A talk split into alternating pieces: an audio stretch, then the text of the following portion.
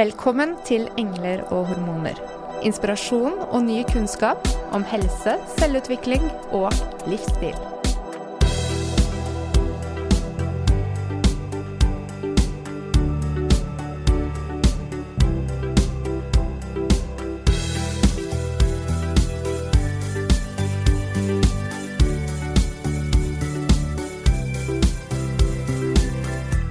Godt nyttår 2019. Nå er det et helt nytt år som vi kan bruke til akkurat det vi har lyst til. Og mange har fått litt overdose av det gode livet i julefeiringen og våkner opp til januar med en enorm motivasjon for å leve sunnere og et bedre liv. Ideen om at vi skal endre vaner og sette nyttårsforsetter som skal hjelpe oss til å få et bedre liv, det fyller gjerne opp treningssentrene i januar. Og alle som har jobbet i treningsbransjen, vet at denne boomen den varer ikke lenge. Det finnes faktisk noen gode faglige forklaringer på hvorfor vi feiler, og hvordan vi kan bedre lykkes med en livsstilsendring. Og det behøver jo ikke bare være i januar som vi endrer vaner. Det kan være like aktuelt hele året, og i klinikken så møter vi hver dag mennesker som står overfor et valg om å endre noen vaner i hverdagen for å få bedre funksjon eller nedsatt smertenivå. Og man skulle kanskje tro i den situasjonen at det er enklere å velge god helse, men det er jo ikke nødvendigvis slik. Mekanismer i kroppen vår det stritter imot å endre på vaner som vi er glad i. Nå høres det kanskje veldig fristende ut å legge seg tilbake og tenke at slaget er tapt uansett, så jeg er dømt til å mislykkes. Men nei da. Klart du kan. Og i dag skal vi få kunnskap om hvordan vi skal lykkes med livsstilsendring, og gode verktøy som vi kan benytte oss av på veien til suksess. Ja, og i dag er vi veldig heldige å ha med oss Anniken Binds. Anniken, du er tidligere modell. Ja, Ja, og basehopper. stemmer. Da ble jeg så sykt imponert. Det er liksom to vidt forskjellige ting. I tillegg så har du jobbet i, eh, i Flyktninghjelpen. Mm. Du har mamma, Ja. gründer, Ja. foredragsholder og snart sertifisert mentaltrener. ja. Har du lyst til å fortelle litt om deg selv? Om Um, din historie? Den er jo eh, ganske lang og har gjort eh, mange forskjellige ting. Eh, mye av de tingene jeg har gjort, er styrt av mine indre verdier og mine behov. Og alltid vært en eventyrlysten person som har vært nysgjerrig på livet. Mm. Men dette her med altså du, ja, Når er det du startet som modell? Jeg var 14. 14 år. Ja. Og så rett etterpå så bestemte du deg for å jobbe i Flyktninghjelpen. Det var eh, en god stund etterpå. Jeg jobbet eh, de årene jeg gikk på skole som modell, og ble lovet en eh, veldig bra fremtid som modell. Og etter skolen så jobbet jeg, bodde jeg i Paris og jobbet der, og skjønte at eh, dette var ikke min greie i det hele tatt. Det stred veldig mot mine verdier. Eh, som var eh, ja, det å hjelpe andre. Eh, så jeg sluttet å jobbe som modell da jeg var rundt 20, og eh, dro til Sør-Amerika for å jobbe i slummen. Og så ble det basehopper. Ja, det gjorde jeg. Ja.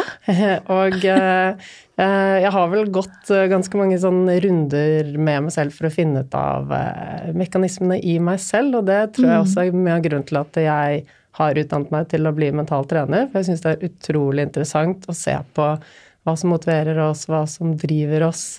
Um, og hvorfor vi gjør de tingene vi gjør. Uh, så jeg har begynt å skjønne mye mer av meg selv og de tingene jeg har gjort tidligere i livet.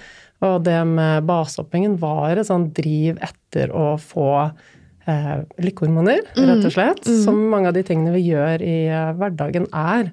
Eh, og så er det sånn at eh, med alle disse lykkehormonene vi får når vi gjør noe, eh, så for hver gang vi gjør det, så trenger vi litt mer og litt mer for å få den samme gode følelsen. Eh, så det har vel vært mye av drivkraften min, at jeg har reist, jeg har gjort masse spennende ting, og hele tiden trengt å gjøre litt mer og litt mer. Og så har jeg hørt uh, en liten fugl til meg i øret i dag tidlig at uh, du har vannskrekk, og allikevel så surfer du. Ja. Eh, så eh, nå vet jeg at hvis jeg driver og sier at jeg har vannskrekk, så programmerer jeg egentlig meg selv til å bare fortsette å ha vannskrekk. Ja, ikke? Eh, så jeg liker å si at jeg er komfortabel i vannet. Ja. Um, men eh, etter at jeg sluttet eh, med basehoppingen, så har jeg hatt behov for å utfordre meg.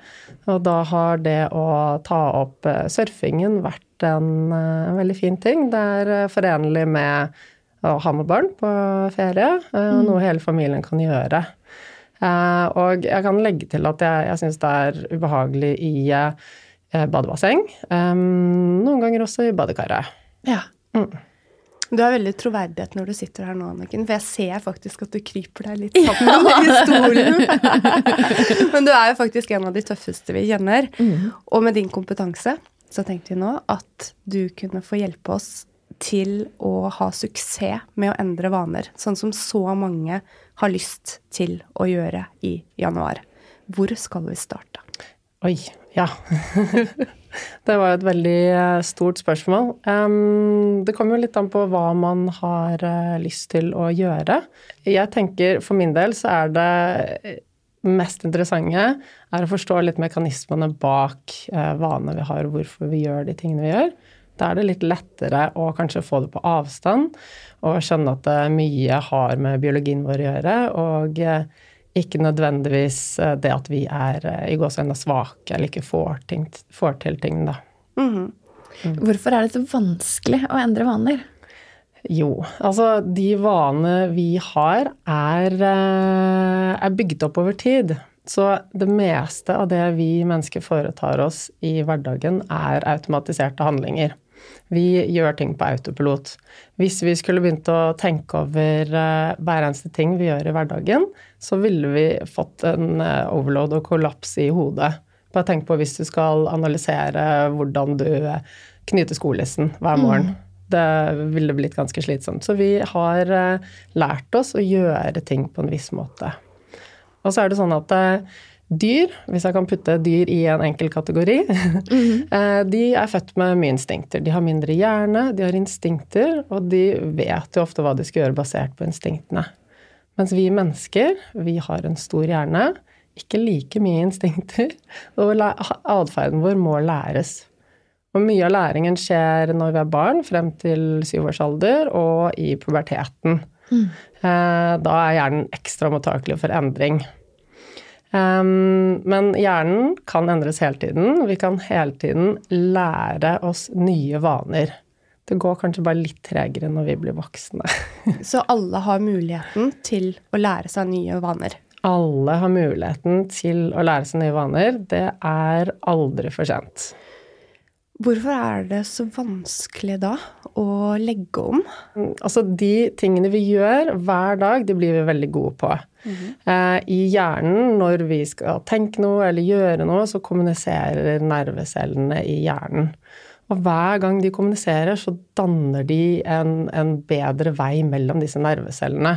Så vi kan tenke at det, ting vi gjør mye av, de har skapt eh, noen mønstre som vi kan sammenligne med motorveier i hjernen ting vi eh, ikke har gjort før, eller gjør veldig sjelden, blir litt som en sånn gjengrodd eh, traktorvei i Nordmarka. Eh, og, eh, og nervecellene, når de kommuniserer, så bruker de masse energi. Spesielt når de skal gå opp disse traktorveiene i Nordmarka. Dette er veldig forenklet forklart, da. Em, så når vi skal gjøre ting vi ikke er vant til å gjøre, så krever det energi. Masse. Og det kan da oppleves som et ork. Det er jo ganske sånn pes å få til. Fordi hvis jeg da pleier å spise mm, croissant til frokost og har bestemt meg for at nå skal jeg bli sunnere, så er det litt mer jobb for meg å velge å bare ta en grov skive isteden. Bare den endringen vil kreve mer energi fra meg. Er det det du mener? Altså Absolutt. alle endringer, uansett om de er gode eller dårlige, de krever mer energi. Alle endringer krever mer energi. Eh, for du skal rett og slett tråkke opp dette traktorsporet i Nordmarka. Um, og for de som er høyrehendte, de er jo vant til å pusse tennene med høyre hånd. Dette er superlett. Mhm. Med en gang vi skal prøve å pusse med den andre hånden, så kjennes det helt feil ut. Men hvis vi fortsetter å gjøre dette i noen uker, så vil det bli lettere og lettere. Og man sier jo det at det kan ta fra 18 til 254 dager å endre en vane. Det kommer jo helt an på mange faktorer. Eh, jeg har jo også lært meg å kjøre snowboard i voksen alder. Og det er noe som har føltes så feil hver gang jeg har tatt på meg det brettet. Spesielt da første turen på sesongen. Det har tatt så lang tid å bare få det til å kjennes naturlig ut.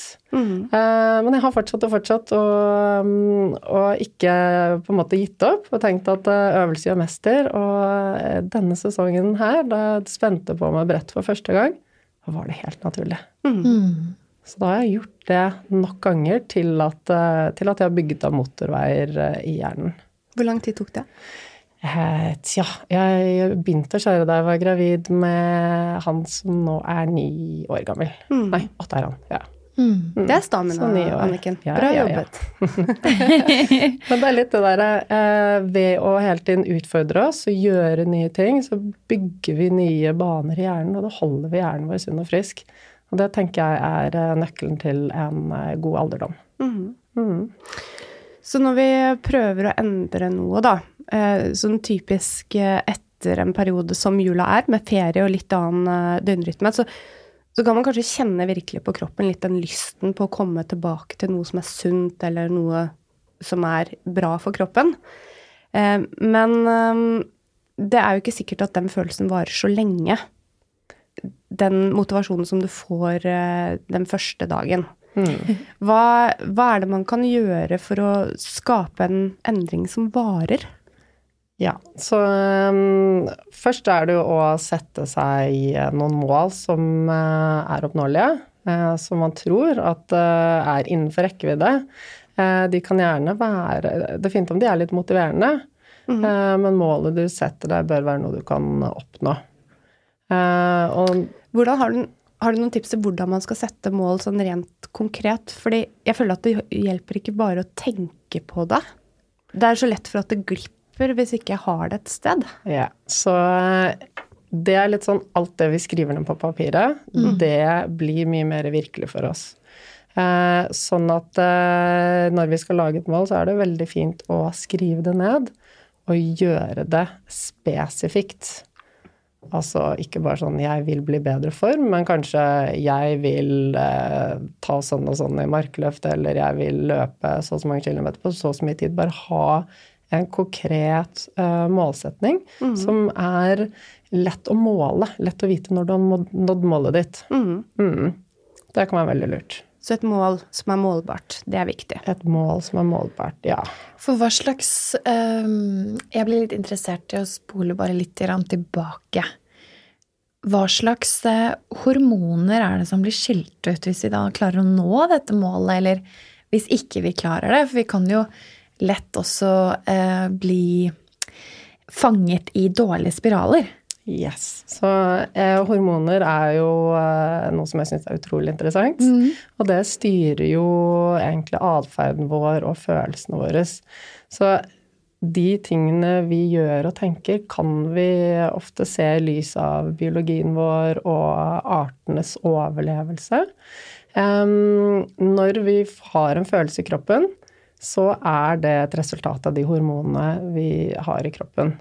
Eh, Og hormonene de skilles ut basert på mønstre vi har eh, i hodet, eller hvordan vi reagerer på ting rundt oss.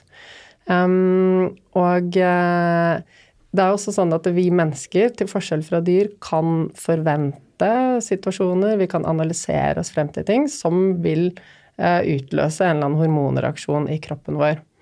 Um, så dette er et veldig stort tema som jeg skal prøve å gjøre litt kort. Eh, men vi Måten vi bygger disse mønstrene i hodet på, disse motorveiene, er at vi gjentar en, eh, gjentar en eh, handling, en atferd.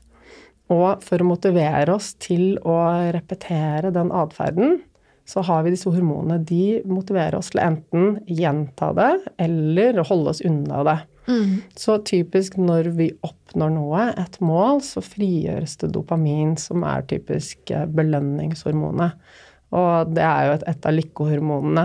Eh, og det er det som er driveren i det meste vi gjør i livet vårt. Eh, vi ønsker å få flest mulig lykkehormoner, og hvis vi opplever at vi har stresshormoner i kroppen, så er, uh, er det sånn at vi ønsker å, å, å, få en stopp på den produksjonen av stresshormonene.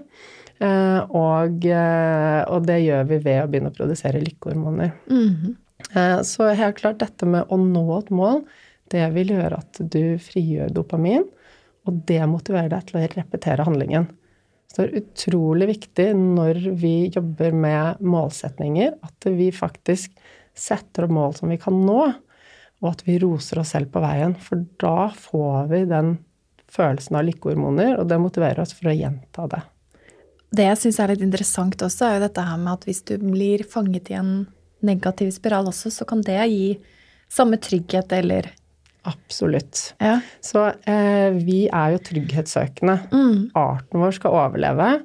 Alle ting som gir en eller annen sånn følelse av fare, det prøver vi å gjøre noe med. Um, og det som er ukjent, gir en følelse av fare. Det kan gi stresshormoner. Så du kan være på en måte fanget inn i en negativ spiral. Du kan ha en vane som er dårlig for deg. Du kan være et sted hvor du egentlig ikke vil være i dårlig form, eller kanskje du har lagt på deg for mye, eller et eller annet sånt noe, og du ønsker på et eller annet sted så vil du komme bort ifra den tilstanden, eller den vanen du har med å slenge deg på sofaen og spise potetgull, eller ja, et eller annet. Mm. Eh, men det gir så mye trygghet å være der, for du vet ikke hvordan det er å ikke være der. Mm. Og kroppen søker etter trygghet, eller hjernen din. Den søker etter trygghet hele tiden. Mm. Så da eh, blir det veldig utrygt å gå bort ifra det. Um, utrolig interessant. Ja, veldig interessant. Ja, det er noe med disse hormonene og den cocktailen som vi får inn i kroppen, som gir oss atferd uten at vi nødvendigvis tenker over det. Mm. Og der er vi ofte inne i automatikken igjen, da. At vi mm. ikke tar et bevisst valg, eh, men er der som det er trygt og godt. Helt klart. Hva er det Ole Petter Gjelle sa? At vi er født late? Vi er født late. Ja. Men um, sett nå da at vi, at vi, begynner å endre på atferden vår. Vil hormonene reagere på det også på en bestemt måte når vi går bort ifra det trygge? Mm. Så det er jo dette som er uh, veldig interessant, fordi at um, når vi uh, er programmert inn til at uh, noe gir oss trygghet, selv om det er en dårlig vane, så vil det å ikke utføre handlingen La oss si det er å røyke, men du har skapt et mønster i hodet ditt om at dette gir deg trygghet. Mm. Hvis du da skal prøve å avstå fra å røyke, mm. så vil hele kroppen din skrike etter det å ta en røyk. Du vil mhm. ha en utrolig stor trang til å ta en røyk, fordi at dette er det som gir deg trygghet. Når du ikke utfører den handlingen, så begynner kroppen å produsere stresshormoner. Mm. Og det er utrolig ubehagelig. Det er jo en stor grunn til at mange eh, gir etter, fordi at det ubehaget er så stort. Mm. Mm. Så akkurat røyking, der, der er det jo et avhengighetsskapende stoff det, i tillegg også, så da, da, blir det ekstra tøft. Eh, på to ulike måter. Ekstra tøft. Mm. Og det er, jo, det er, jo, flere ting som har uh, avhengighetsskapende altså, si bivirkninger også. Mm. Uh, men alt det som på en måte gir oss trygghet av vaner, uh, som vi har lært oss at gir trygghet, hvis vi ikke utfører de, så vil det være utrolig ubehagelig. Og det gjelder uansett alle tingene som vi gjør, da. Det å på en måte kunne stå i den situasjonen og det ubehaget, Eh, er mye av det som skal til for å endre en vane. Og da tenker jeg at det, så lenge man vet hva som faktisk skjer i kroppen, så er det kanskje lettere også å få det litt på avstand. Så det som er viktig eh, når man skal endre en vane, når man kjenner på det ubehaget, at man har lyst til å spise den eh, sjokoladen eller jeg vet ikke hva det er som man vil slutte å gjøre, så så er det viktig å bare anerkjenne den følelsen av ubehag. Mm. Den er der, og det er helt greit. Og så kan man kanskje prøve å endre fokus til noe annet. Og så er det bare det å finne roen i det ubehaget. Og jeg kaller det urge surfing. Um, og jeg ser for meg en sånn stor bølge som er litt sånn stor og vill, og så bare skal man flyte med den. Og det er litt sånn som uh, for de som driver med yoga også, så er det litt sånn I yoga så jobber vi mye med å finne roen i det som er ubehagelig. Og det er litt det det dreier seg om. Så pust dypt når du får Pust eh, lyst dypt, til å ja. gi etter. Hjelper. Men jeg syns det er litt interessant dette med disse stresshormonene, Anniken. Og em, jeg klarer ikke å få et bilde ut av hodet mitt nå der jeg ser for meg det å stå på kanten av et stup. Eh, Jeg er nemlig høydeskrekk. Jeg så, ja, så jeg, jeg, for meg så er det veldig kontraintuitivt å kaste seg utfor. Mm. Men det har du gjort. Du har Mm. stått der oppe, og så har du tatt valget om å kaste deg utfor. Mm. Er det sånn at du er eh, hadde, Var du redd da, første gangen? Ja, gjorde det? kjemperedd. Ja. Ja, Er man redd hver gang? Ja, man er redd hver gang. ja. Eh, og det er jo fordi at uh, kroppen skal overleve. Men du er Det var stress. Det er stress, ja. Ja. ja, ja. Men du gjorde det allikevel. Mm. Så jeg tenker at eh, det må, kan jo ikke finnes noe bedre enn deg til å gi råd om hvordan man skal komme gjennom et stress. For dette å gi etter for en sjokolade, det er bare en bagatell i forhold til hva du har gjort. kaste seg utfor et stup. Ja, hvordan, eh, hvordan vil du gå frem sånn rent konkret eh, når du da har noe som du vil endre på, da? Hvis du skal sette på mm, et nyttårsforsett eller å endre en vane. Har du en, eh, et forslag til en type oppskrift som vi kan bruke når vi skal planlegge en livsstilsendring? Ja, så eh, alle de eh, handlingene vi gjør, det gjør vi for å få en belønning i en eller annen form av noen hormoner som blir skilt ut. eh, og vi, når vi begynner å gjøre handlingen, så har det ofte vært en eller annen situasjon som gjør at vi Å, nå må vi gjøre det der. Mhm. Komme hjem fra jobben. Kanskje det er triggeren på at du vil legge deg i sofaen og finne frem potetgullposen. Mm. Eh, så eh, det som er lurt, er å skrive en dagbok hver eneste dag. Skrive ned eh, hva man gjør i løpet av dagen, eh, og begynne å se på eh, de vanene man gjør, når man gjør de, og hva er det som faktisk får deg til å gjøre de. Eh, og finne det som er en trigger, hva er det som utløser handlingen. Eh, og så eh, hvilken belønning får du. Og da kan du, når du vet hva triggeren er, så kan du være oppmerksom i øyeblikket og ha planlagt en annen handling. Så jeg har jo f.eks. En, en ting som jeg gjør, som jeg ikke har tenkt til å endre, men den er veldig tydelig. Eh, Jeg er utrolig glad i sjokolade, så jeg har ikke tenkt til å fjerne det fra livet mitt. Jeg syns det er helt ok. Men jeg har en sånn greie om at hver gang jeg er ferdig med å spise middag, Mhm. ikke frokost, ikke lunsj, men middag. Når jeg er ferdig og setter mat eh, og begynner å rydde av bordet, jeg lyst på sjokolade. Alltid. Mhm. Så triggeren min da er at eh, nå er jeg ferdig med middagen. Mhm. Handlingen er at jeg går og tar en sjokolade i sjokoladeskuffen. Mhm. Og belønningen er masse deilige lykkehormoner. Mm. Ja. Så jeg har ikke tenkt å endre på den, men det er et fint eksempel på eh, på en sånn eh, trigger, eh, en handling jeg gjør, og en belønning jeg får. Og hvis man begynner å analysere det man gjør eh, i hverdagen, så kan man bli bevisst på hva som trigger de handlingene vi gjør. Men det er så deilig å, si, eh, å høre deg si det, fordi det virker som om du nyter det enda mer når du anerkjenner det. Yes, helt klart. Ja. Visualisering, da. Så Ja. ja. Så eh, visualisering er et utrolig effektivt eh, verktøy. Eh, og eh, vi snakket litt om dette med eh, det å føle seg utrygg, eh, eller at man er trygg i den dårlige vanen sin. Eh, eh, og da blir på en måte målet utrygt. Eh, så i forhold til det kan det hjelpe å, visualisere. Og så eh, i forhold til det å hente fram den gode følelsen man vil ha når man har nådd målet, så kan det være fint å visualisere. Så eh, det man da kan gjøre, gjerne gjøre det hver dag så ofte som mulig, er å se for seg hvordan det er å være i målet, Mm. og kjenne på de gode følelsene som man har da. For gode følelser er en motivasjonsfaktor.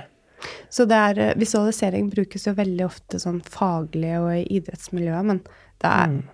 det er dagdrømming, på en måte. sånn. Ja, så alle visualiserer. Mhm. eh, vi er bare ikke klar over det. Dagdrømming er jo det. Og vi, eh, før vi skal gjøre ting, så går vi ofte og har bilder i hodet av hvordan det kommer til å være og sånn. Mhm. Så eh, det er litt sånn der um, ubevisst visualisering. Det skjer litt av seg selv. Mhm. Vi kan ta kontroll over det eh, og bruke det mer bevisst til å hente fram de tingene vi vil ha mer av. Mm. Mm. Jeg tenker, jeg ser for meg treåringen min når hun uh, går i barnehagen med prinsessekjole, hvor utrolig lykkelig hun er. Ja. Det er, uh, det er min inspirasjon til visualisering. ja, men det er helt fantastisk. Ja. Har man det bedre, liksom? Man har det bedre. Alle, alle mm, situasjoner og tilstander som produserer en eller annen god følelse i deg, mm. er bare å hente de frem så ofte som mulig, for da vil vi ha det bedre. Jo oftere vi tenker på ting som gjør oss glad, jo bedre vil vi ha det. Mm. Jeg kommer, eh, unnskyld, jeg kommer til å tenke på um, da vi hadde natural born parenting her også. Og de som pratet om dette her med affirmasjoner også. Om det å si gode ting til seg selv hver dag. Mm. Og kanskje også um, ja, visualisere seg selv i et mål. Mm. Det er eh, Det med å si gode ting til seg selv er eh, utrolig viktig i forhold til eh, motivasjon. eh, I forhold til å bygge selvtillit. Eh, Og de tingene her er viktige når vi skal endre på vaner. Det at vi har tro på oss selv, og at vi har motivasjon. Så det å si positive ting til deg selv, og det kan være affirmasjoner, og det kan være det at du heier deg selv opp, at du roser deg selv for det du gjør, og, og virkelig bare sier masse fine ting til deg selv, det er utrolig viktig for å bygge selvtilliten din og motivasjonen din. Og dette er med på å bygge viljestyrke. Mm. Jeg tenker på forskningen i forhold til eh, Vi vil jo gjerne vite at det fungerer. Mm. Eh, og det som jeg har sett på visualisering fra idretten, er at grupper som har enten visualisert at de har gjennomført en teknikk, og grupper som da har trent på den samme teknikken, har tilnærmet lik fremgang. Mhm. Så tankens kraft er jo ekstremt sterk. Mhm. Har dere noen lignende eksempler som fra mental trening på hva visualisering kan gjøre for å nå resultater? Ja, så det er jo som du sier, veldig, mange, veldig mye forskning som er gjort innen idrett, hvor du har uh, idrettsutøvere som da har grupper hvor de eh, enten trener og utfører en handling, eller visualiserer og ser, som du sier, at resultatene er eh, like bra på de som bare visualiserer. Mm, En annen ting, dette med visualisering. eh, det vi gjør når vi visualiserer, er at eh, vi bruker eh, nervecellene på samme måte i hodet som når vi faktisk utfører en handling. Så det er de samme nervecellene som kommuniserer hverandre, og det er jo derfor vi ser at eh, vi kan trene opp ferdighetene våre ved å visualisere, og eh, muskelstyrke kan vedlikeholdes hvis man er skadet, øke blodgjennomstrømningen etc. Mm. Mm, så visualiseringen er, er et utrolig eh, viktig verktøy. Så interessant. Jeg begynner egentlig Jeg har en viltrenn i magen, så jeg begynner å visualisere fødsel og kommer inn i de banene der, jeg nå, kjenner jeg. Det er jo absolutt eh, Men det er absolutt utrolig nyttig å bruke i forkant av en fødsel også, det å visualisere, for å forberede kroppen på det som skal skje. Eh, og da vil det ikke være nytt for deg, du har gått gjennom det før, og du vil føles mye tryggere når du går inn i situasjonen. Du har jo drevet en del med yoga og akkurat dette her, eh, Anniken, så jeg vet at du vet hva du prater om. Det har jeg. Ja. Mm. I forhold til eh, selve planen, da, Anniken. Jeg tenker man, eh, Hvis man er litt rasjonell i hodet og tenker at nå, nå, skal jeg, nå skal jeg gjøre en jobb, jeg skal eh, skape en livsstilsendring, har du noen tips til hvordan man kan starte? Hvor, hvor, hvilken ende begynner man i når man skal bestemme seg for å gjøre en endring? Ja, så det viktigste er å finne ut uh, hva man vil endre, uh, og så sette et mål i forhold til det. Um, og det jeg er litt opptatt av, er at eh, når vi skal velge ut hva vi skal endre, så er det mange som eh, skal endre både det ene og det andre samtidig, Mm. og setter seg veldig store mål, gjerne flere mål samtidig.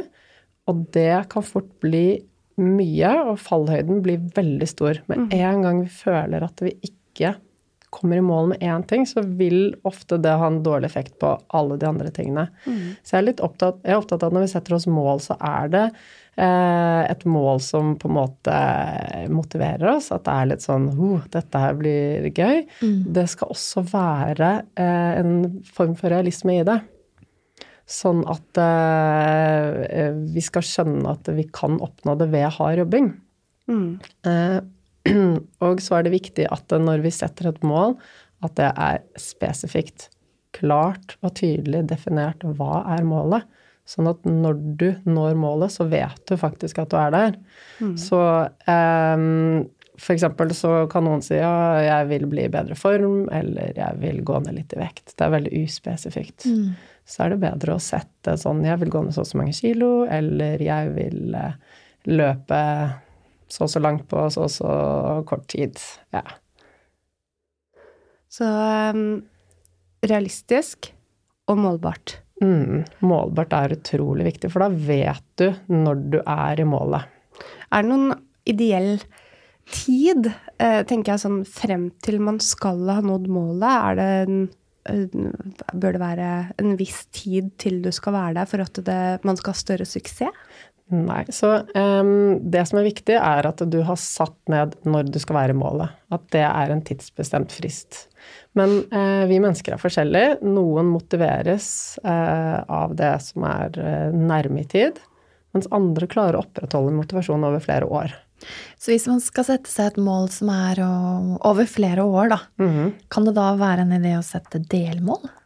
Absolutt. Og det tror jeg er eh, nøkkelen til suksess. Eh, og det henger litt sammen med det at eh, hvis vi skal eh, ha fokus på målet vårt, og hele veien til målet, så kan det virke som en veldig lang og tung vei, og det kan være veldig overveldende. Og det kan være nok til at vi bare mister motet når vi ser for oss all den jobben vi må gjøre eh, for å komme til det målet. Uh, også hvis vi setter delmål, mm, det jeg liker å gjøre, er å når du har eh, funnet ut hva målet ditt er, så lage en handlingsplan, skrive ned hvilke aktiviteter som må til for at du skal nå det målet. Eh, og så, når du har kommet fram til alle de tingene, så kan du da fordele det utover en tidsplan, en slags kalender. Og da blir det sånn som en slags delmål, og da vet du kanskje hver eneste dag hva du skal gjøre. Så hvis du da har fokus på kun den ene tingen som er i dag, så er det veldig lett å holde fokus på. Eh, lett å motivere seg til. Eh, og når vi da, for hver av disse delmålene som vi utfører, så er det kjempeviktig at vi tillater oss selv å være fornøyd med oss selv. Litt- Frigjøre litt dopamin? ja, for det er det som motiverer for å gjøre handlingen på nytt. Det er det som bygger disse nervebanene. Når vi skal gjøre en ny endring, så skal vi bygge en motorvei i hjernen. Sånn, vi skal tråkke opp dette traktorsporet i Nordmarka, vi skal bygge ny motorvei. Og det er lettere å gjøre hvis vi er motivert. Så de som sier at de hater å løpe, de kan lære seg å like å løpe? Alle kan lære seg det. Ja. Men det er jo, um, det er jo ikke alle dager som går som planlagt. Nei. Og hvis man har en plan, da, og eh, der livet skjer, og så har man falt av eh, noen dager, så er det kanskje der det er mange som mister motivasjonen, og så ikke kommer tilbake. Mm. Så Er det- det er jo eh, veldig typisk oss mennesker å slå oss selv litt hardt i hodet. Vi blir litt skuffet hvis vi i gåseøynene føler at vi feiler, og da kan det være like greit med alt annet. Eh, så det å ha aksept for at vi alle er mennesker, ha en viss forståelse av biologien vår, hva som skjer i hodet vårt, og um, sånn det er ikke bare det at vi er svake eller feiler, vi er alle mennesker. Og det vi kan tenke er at det, eh, Altså, vi kaller det egentlig ikke feil, det er bare en måte å få feedback på. Sant? Så alle de tingene du gjør som gjør at du, du kanskje ikke eh, Som kanskje ikke er helt innenfor målplanen din, det kan du lære noe av. Så da kan du sette deg ned, og det som er viktig med å ha en, eh, en målplan, er at du hele tiden evaluerer. Hvordan ligger du an i forhold til alle disse delmålene? Eh, og i forhold til det store målet også. Men ok, så la oss si at du ikke kom i mål da i dag med det du hadde sagt at du skulle gjøre. Hva var det som skjedde? Hvorfor? Og hva kan du lære av det? Og så er Kanskje må du justere litt på målet ditt. Kanskje du må legge til en dag til i planen din. Kanskje du må skyve på det tidsbestemte endemålet du har. Eller kanskje du fortsatt er innenfor å nå målet ditt. Så det er det som er fint med et mål. Man kan hele tiden endre på det. Kanskje du da ser at eh, Oi, dette her går mye bedre enn jeg trodde. Mm. Så da kan du kanskje justere målet ditt til at eh, det er enda mer hårete, eller at tidsfristen er kortere. Eh, så det er jo sånn Jeg tenker at eh, motivasjon og en god plan er noe av det viktigste. Og det å ha et godt mål gir motivasjon. Det gir retning. Um, men jeg tenker også den evalueringen som du snakker om, altså den positive måten å gi seg selv feedback når man gjør en feil, det her er det, Vet du hva, Annike, nå fikk jeg lyst til å sette meg et mål. Mye mer enn når vi startet. Fordi du sier, du sier faktisk at det er lov å feile, og jeg kan komme tilbake. Og det tror jeg, det tror jeg er så viktig for mange å anerkjenne. For det er, i hvert fall det vi ofte ser på klinikken, det er at eh, mange, spesielt damer, det er så utrolig strenge med seg selv. Mm. I forhold til uh, korte tidsfrister og mye ja. på kalenderen. Ja. Så uh, det er helt essensielt at vi er rause med oss selv. Mm. At vi er tålmodige. At vi anerkjenner at vi er mennesker. Og at alt det vi gjør, det kan vi lære noe av. Hvis vi har den innstillingen, så går veien bare fremover. Sant? Gjør vi et eller annet, så er det ikke en feil, det er noe vi kan lære av. Mm. Mm. Og der vet jeg at du jobber litt dypere med dine klienter, Anniken, for det er ikke alltid like lett å lære. Eh, og det kan være litt greit å få veiledning eh, når man står på en måte til lårene i gjørme. Absolutt. Men eh, er det noen andre ting som du jobber litt dypere med, som er viktig for å, for å ha suksess med sine gode planer? Helt klart. Um, dette med hvordan man ser på seg selv, er også veldig viktig i forhold til de endringene man vil ta. Um, for uh, hvis du f.eks. sier at uh, jeg skal uh, bli i kjempegod form og gå ned mange kilo, men du fortsatt ser på deg selv som en som ikke trener, som ligger på sofaen, så vil det være veldig vanskelig for deg å foreta den endringen. Så det er noe som vi jobber med. Hvordan man ser på seg selv, og hvordan man kan endre det. Mm -hmm. Mm. Og det krever kanskje dyp jobbing eh, ofte? Det gjør det. Da er det veldig godt eh, å ha en å snakke med som kan veilede deg og, og grave litt dypere. Mm. Absolutt. Men når det er sagt, så er det Jeg tenker at det, det å foreta endringsarbeid er, kan være veldig tøft å gjøre alene. Eh, så hvis man gjør det sammen med noen, så er det mye mer motiverende. Mm det å på en måte lage en plan sammen med noen, så har du noen å dele det med, og du har noen andre å stå til ansvar overfor. Og det kan være en som du går til samtale med, en profesjonell person selvfølgelig, men det kan være en venn som du sier at ok, nå begynner vi å trene sammen, f.eks. Mm. Eller melde seg på et løp eller noe sånt. Helt klart. Mm. Ja. ja. Hva sier du, Ingvild? Om nyttårsforsetter? Mm. Ja. Jeg, jeg, jeg ble liksom satt i tankeboksen av hva slags nyttårsforsetter er det egentlig skal sette meg. Jeg føler jo at jeg går inn i en, eh, snart inn i en ny hverdag som jeg egentlig ikke aner hva som skal skje. Så um, kanskje det å bli enda flinkere til å prioritere.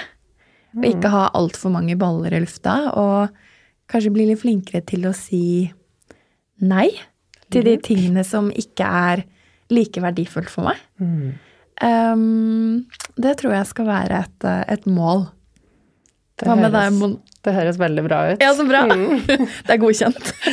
yes. Jeg blir litt interessert i hva Anniken har å si til det å uh, si nei. For det, det er kanskje en del av en plan. Det er at man må prioritere bort for å få mm. plass til nye em, ting på timeplanen for å gjennomføre en plan. Mm. Uh, og det å si nei til ting kan jo være en utfordring, men man må jo skape rommet et sted. Har du noen gode tips til det?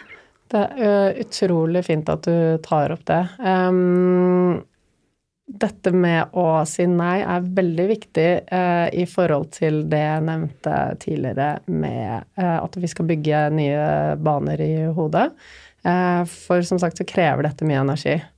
Eh, og når vi skal eh, legge inn nye vaner, så klarer vi som ofte ikke å gjøre det på toppen av alt det andre vi gjør. Det krever masse energi nervecellene i hjernen de krever mye mer energi enn musklene våre, faktisk. Mm. Sånn at vi må sørge for at vi har overskudd.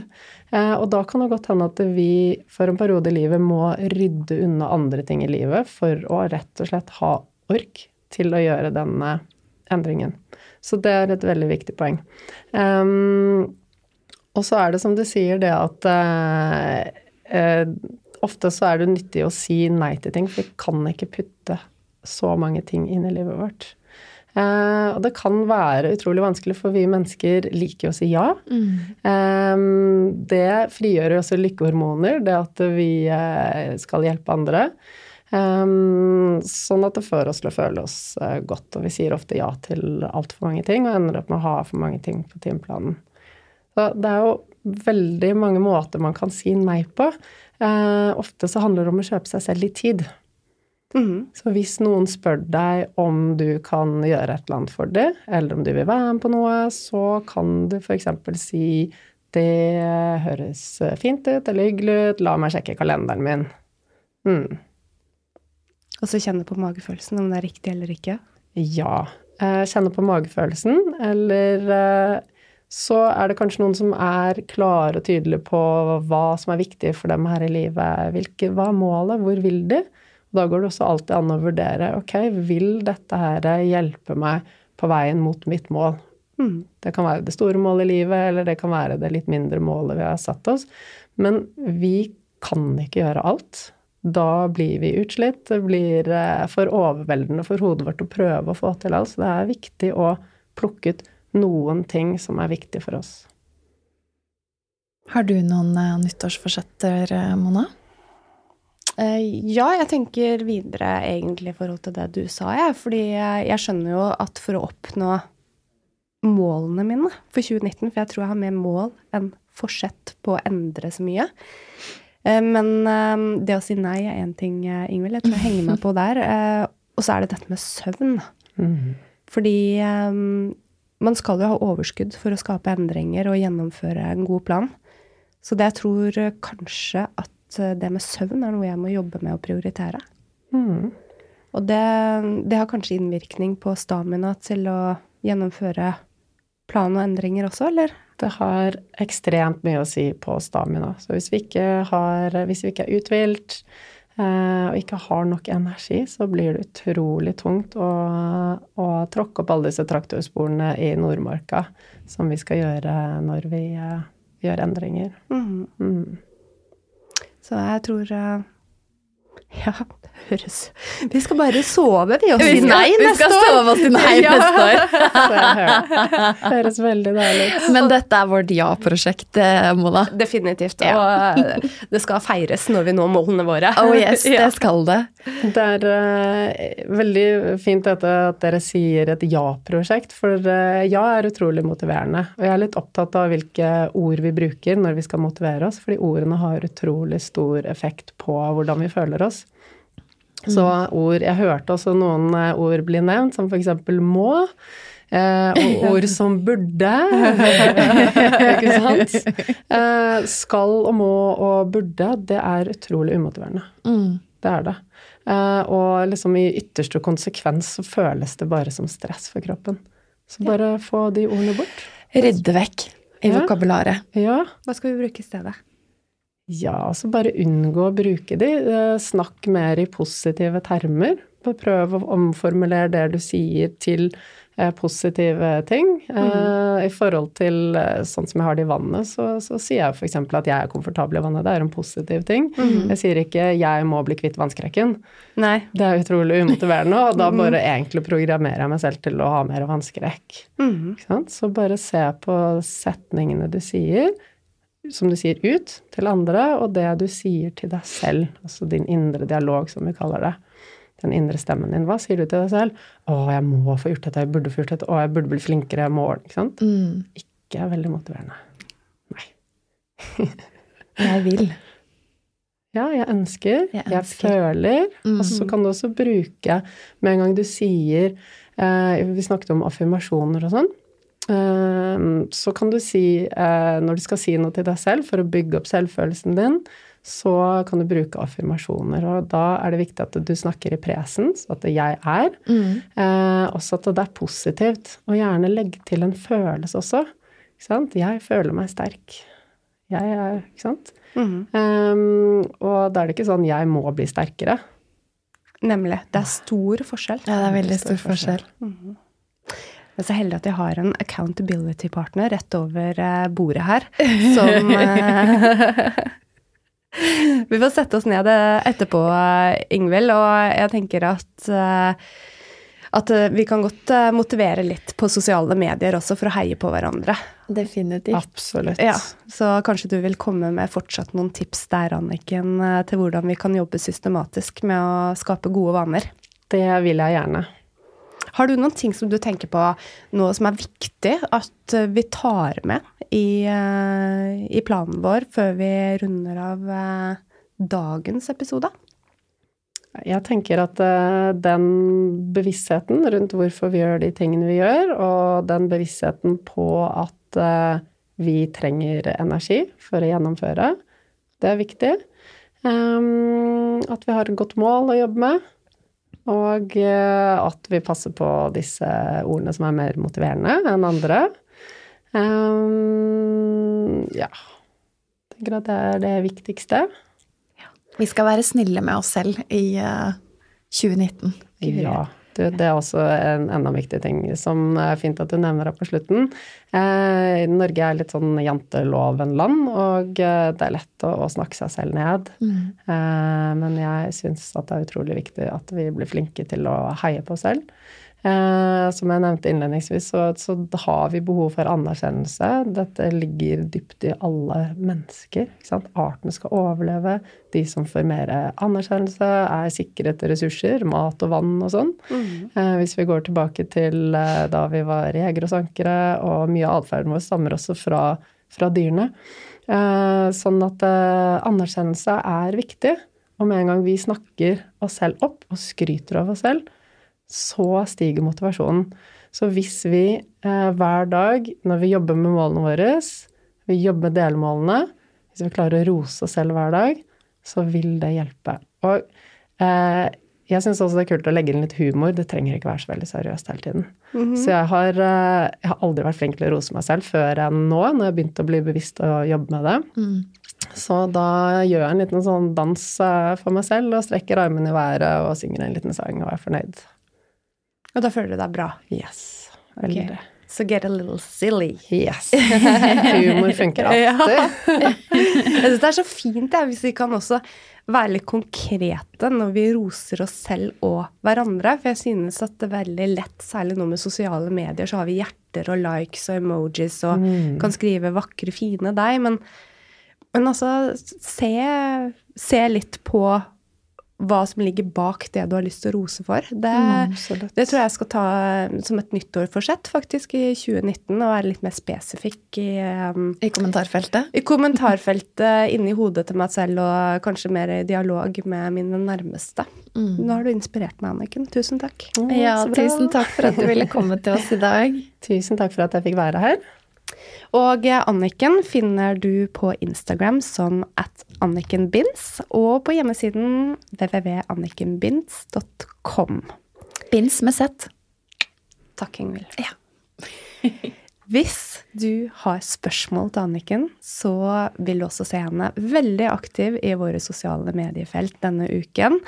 Og vi oppfordrer deg til å benytte dere av hennes kompetanse hvis du nå har tenkt å skape en livsstilsendring i 2019. Blir utrolig takknemlig om du går inn på iTunes og gir oss en rating og en kommentar på dagens episode. Og så håper vi du har en flott første uke av 2019, og Vi gleder oss til å fortsette dette året sammen med deg.